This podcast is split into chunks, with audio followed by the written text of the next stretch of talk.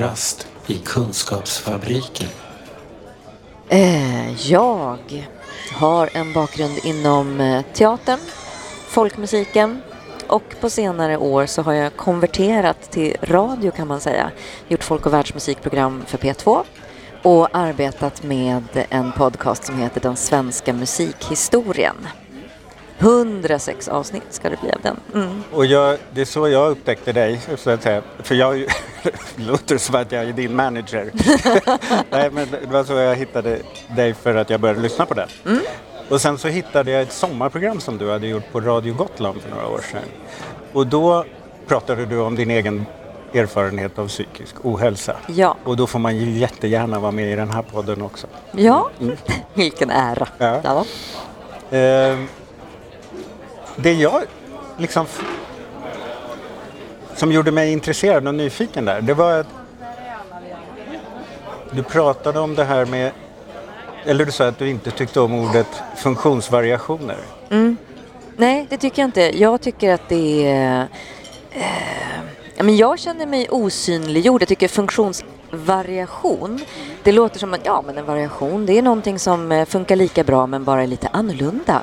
Och så känner inte jag. Jag känner att jag har ett verkligt handikapp och om jag säger att jag är en variation så förstår inte folk vilka idiotiska problem jag har med att få livet att fungera. Det är inte bara en variation att liksom periodvis inte kunna ta sig ur sängen, inte kunna duscha, inte kunna eh, eh äta vettigt, inte kunna liksom hålla någon kontinuitet i sin verksamhet överhuvudtaget. Vad är det du lider av? Har du några diagnoser Ja. och sånt där som... Jag har eh, kombinationen eh, eh, bipolär typ 2 och eh, Aspergers. Och det här med Aspergers, jag säger det inte alltid för att jag eh, utåt sett inte liksom uppfyller liksom vad man tänker klichébilden av Aspergers. Men när jag fick diagnosen, eller det, det var ju, jag vet inte om jag hade en ovanligt lång utredning, vi höll på liksom i nästan ett år och utredde. Och det är ändå liksom Aspi-grejen som har givit mig mest nycklar till hur jag fungerar. Och jag inser att så mycket av min energi går åt till att kompensera. Eh, Så att jag är, väl, jag är liksom väldigt högfungerande men det kostar mig väldigt mycket. Om jag till omvärlden säger så här, jo men jag har Aspergers, då är, blir det bara så här, ja men du har ju livlig mimik och modulerat tal och förstår metanivåer i språk. Mm, Så. Eh, Men för en själv kan det fortfarande betyda väldigt mycket. Vad är det du, om man tänker det som är dina Asperger-drag, som är riktigt knepiga eller som har varit viktiga nycklar att förstå? Eh, var ska man börja? Ehm, nej, men väldigt, nej men väldigt mycket av så här, saker som inte liksom stressar andra så mycket eller kostar andra så mycket energi och koncentration. Och där jag då också själv har haft liksom svårt att acceptera eh, att jag liksom blir så otroligt mycket mer stressad av eh, när det blir förändringar i scheman, i upplägg. Eh, att förflytta mig, att till exempel så här, myller och brus är mina största fiender. Att bara att befinna mig i Stockholm tar så stor del av min energi. Och så säger, och också det här människor säger så här, men gör saker som ger dig energi. Och jag har aldrig fattat, alltså vad med, hur kan någonting ge någon energi? För att allt jag gör kostar. Det spelar ingen roll hur roligt någonting är, allting är en kostnad. Okej. Och, eh, nej men sen, och även att eh, socialt, jag kan vara väldigt socialt kompetent men då måste jag verkligen vara helt påslagen och alla tentakler ute. Och sen tappar jag det så gör jag missar som ingen annan gör. Okej. Och är liksom, ja, plump och okänslig och eh, ja.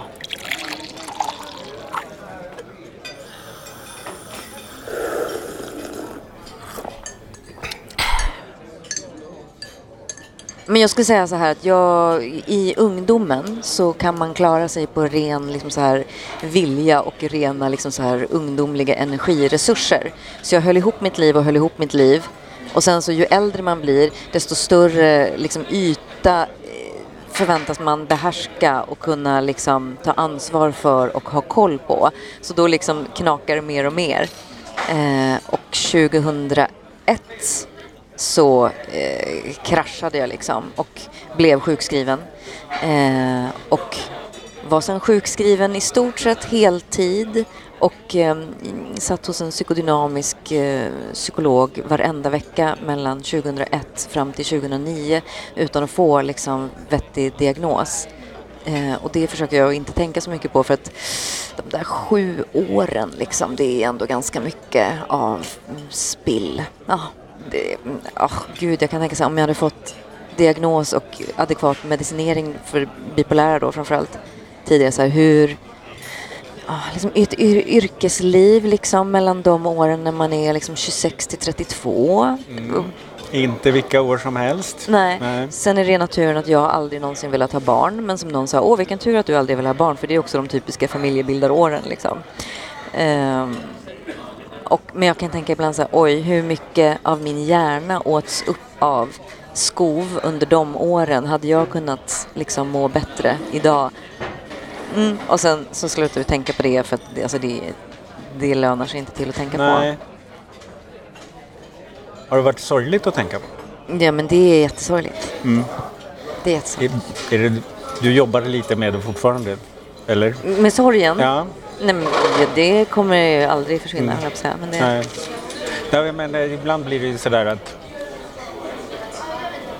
man kan lägga saker bakom sig. Inte för att man säger att det var okej okay eller det var bra så, men mm. att, att att det får vara så. Jo, ja. men, men, men det känner jag också mm. helt samtidigt. Men det finns en stor sorg hos mig är att jag inte har kunnat så här, utbilda mig, förkovra mig. Um, och det så här, nej, men det är inte för sent att gå på högskola nu när man är mm. 42, men det, det, jag har trots medicinering, jag har inte den kapaciteten liksom. Så att, att jag inte har kunnat så här, gå vidare i det som är mina talanger det är en stor sorg. Det, men jag menar, mm, jag ska säga, ja, sorgen är som den är, att den finns där. Kafferast i Kunskapsfabriken. Men sen kan jag själv bli så här less på att liksom uppfinna olika liksom varianter och säga så här, eh, ja, men olika varianter av att avböja att komma till saker. Men om vi pratar om sorg igen, liksom, jag kan tycka så här, jag har alltid för att jag tror att det på allvar, kanske på grund av någon aspighet eller vad vet jag, men att jag på allvar eh, värderar jobb högre än relationer. Men om jag tänker tillbaks på alla vänners olika bröllop, dop, 30, 40, 50-årsfester. Jag har inte varit på någonting sånt. Jag har inte varit på någonting Medvetet? Sånt. Eh, Eller ja, både medvetet och omedvetet. Alltså när jag var, förut så var det mer att jag låg liksom i, liksom i en kraschad hög och ja, bara... Det gick inte? Det gick inte, nej. Eh, men, fort, men nu fortfarande så här, mm, jag väger så här, oh, nej men nu ska jag vara konferencier på den här festivalen då två veckor efter den här festen, nej då vågar jag nog inte gå på den festen. Så väljer jag alltid bort, jag väljer alltid bort det sociala. Och min familj, väldigt mycket, Så min eh, födelsefamilj. Eh, och det känns på ett sätt naturligt, men på ett sätt om jag tittar tillbaks på allt, allt, allt jag inte har varit på så kan det också kännas sorgligt liksom, att jag inte har deltagit. Men känner du att du har vänner? Ja, mm. det gör jag. men du känner dig liksom inte sådär ensam och övergiven? Nej, men jag trivs. Det är också som tur i oturen när man inte orkar så mycket. Jag trivs ju väldigt bra i mitt eget sällskap och ja, jag behöver inte så mycket socialt. Jag kan, det sociala jag får när jag arbetar, då är jag ganska nöjd.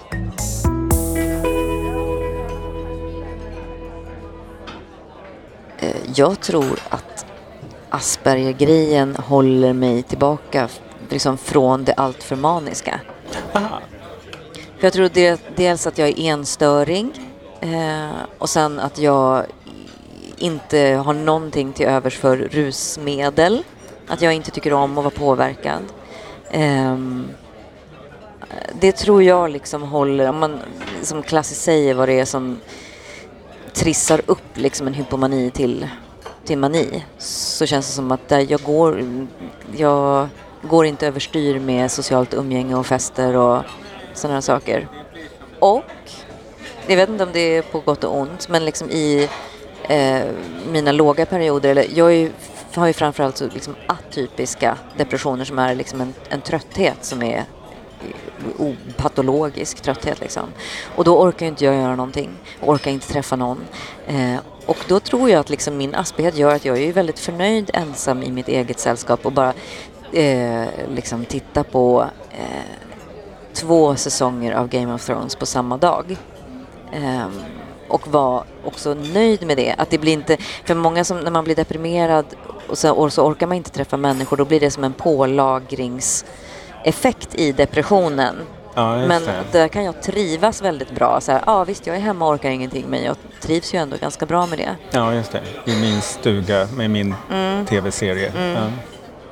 Så jag tror att liksom det här att jag trivs i ensamhet gör att jag tolererar mina låga perioder bättre. Det liksom klassiska tankesättet när man behandlar bipolaritet är ju att det ska vara liksom så, så mycket regelbundenhet och kontinu, kontinuitet som möjligt. Men jag är inte helt säker på att det, någonsin, att det funkar bäst för mig. Eh, för att det är liksom också den här känslan, om jag har ett kontinuerligt uppdrag och att jag bara ser en framtid av eh, ja, men även om, säg att det bara är halvtid och jag ser att det fortsätter vecka efter vecka efter vecka så bara tonar framtiden upp sig som något, oöverstigligt.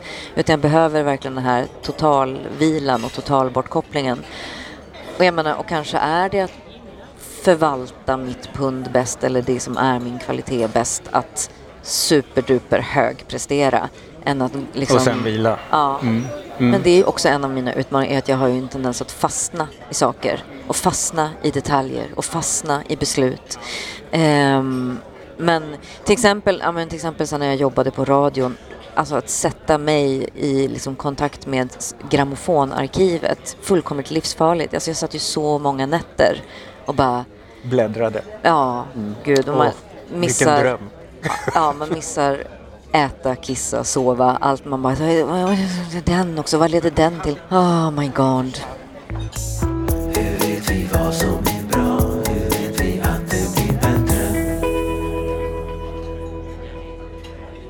Men eh, har, tycker du att du har för tillfället en hygglig rytm i,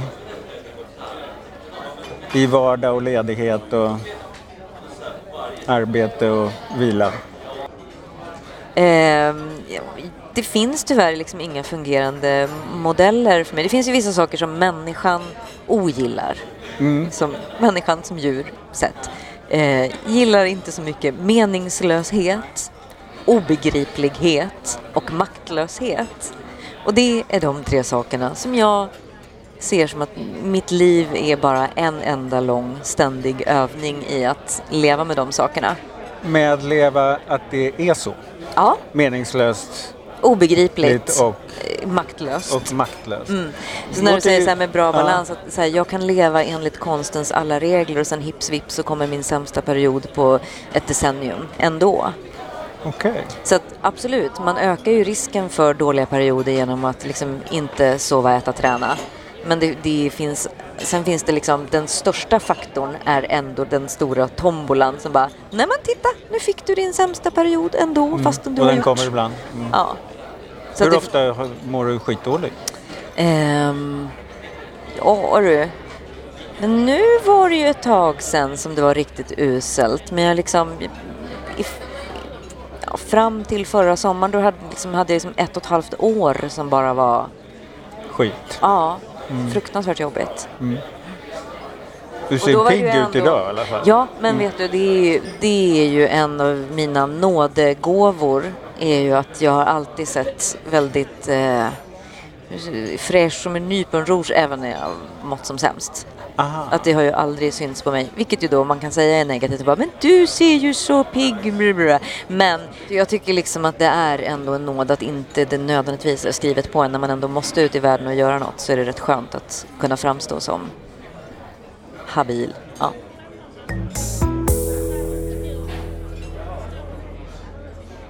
Men så när du vilar då gör du ingenting?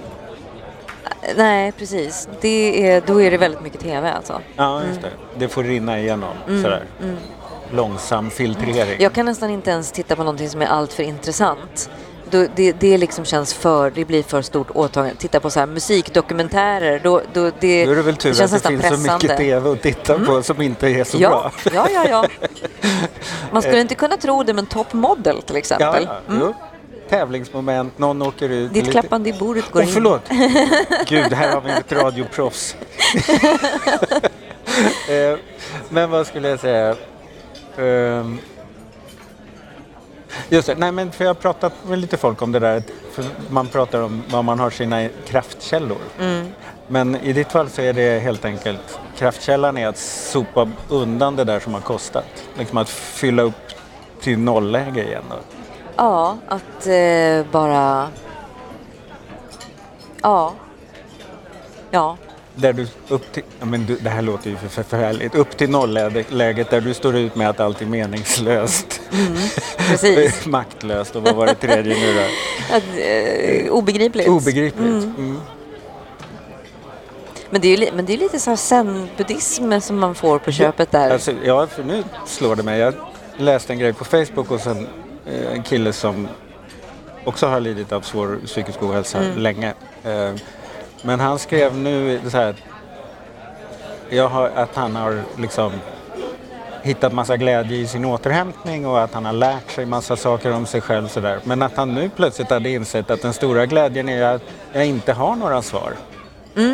ja. Och det är ju egentligen andra sidan på meningslöshetsmyntet. ja, ja, nej men det, men det är det jag, jag tycker för mig har det varit en, eh, liksom, det har det varit positivt att, att acceptera att så här, ja, nej men jag kan ju hålla på med hur mycket strategi jag vill, men eh, hejsan hoppsan så får jag ändå den här liksom tombola-lotten liksom. Som jag inte kan styra över. Ja, och att inte försöka hitta mening. Man, man tror liksom att det, att det bara ska vara av ondo. Det finns ingenting som är meningen med att få eh, en jävla skitsjukdom. Eh, utan möjligen så här, ja, nu har jag det här. Vad, kan jag, vad är det bästa möjliga jag kan göra av det? Ja, och vad är det bästa möjliga jag kan göra av det? Mm.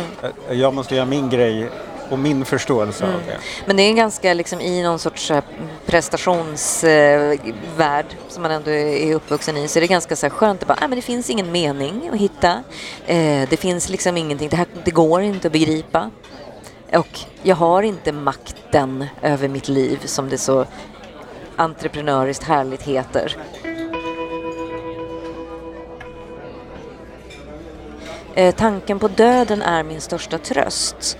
Att när det har varit som värst så har jag ändå tänkt så här, okej, det finns en sak jag kan lova mig själv och det är att det här kommer inte vara för evigt. Hur fruktansvärt någonting än är och det inte finns någon lösning på det så kommer det ändå inte vara för evigt. Jag kommer få dö. Så okej då, en dag till för jag vet att det kommer ta slut.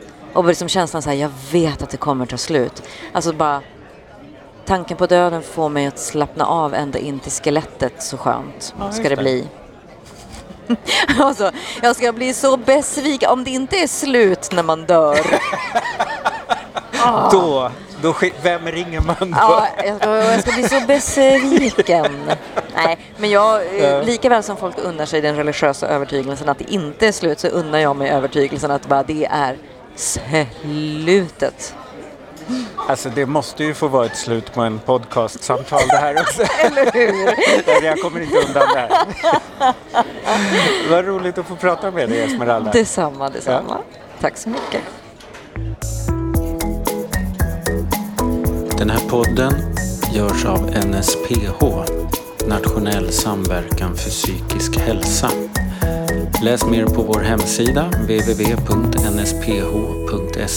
eller följ oss på Facebook, Kafferast i Kunskapsfabriken.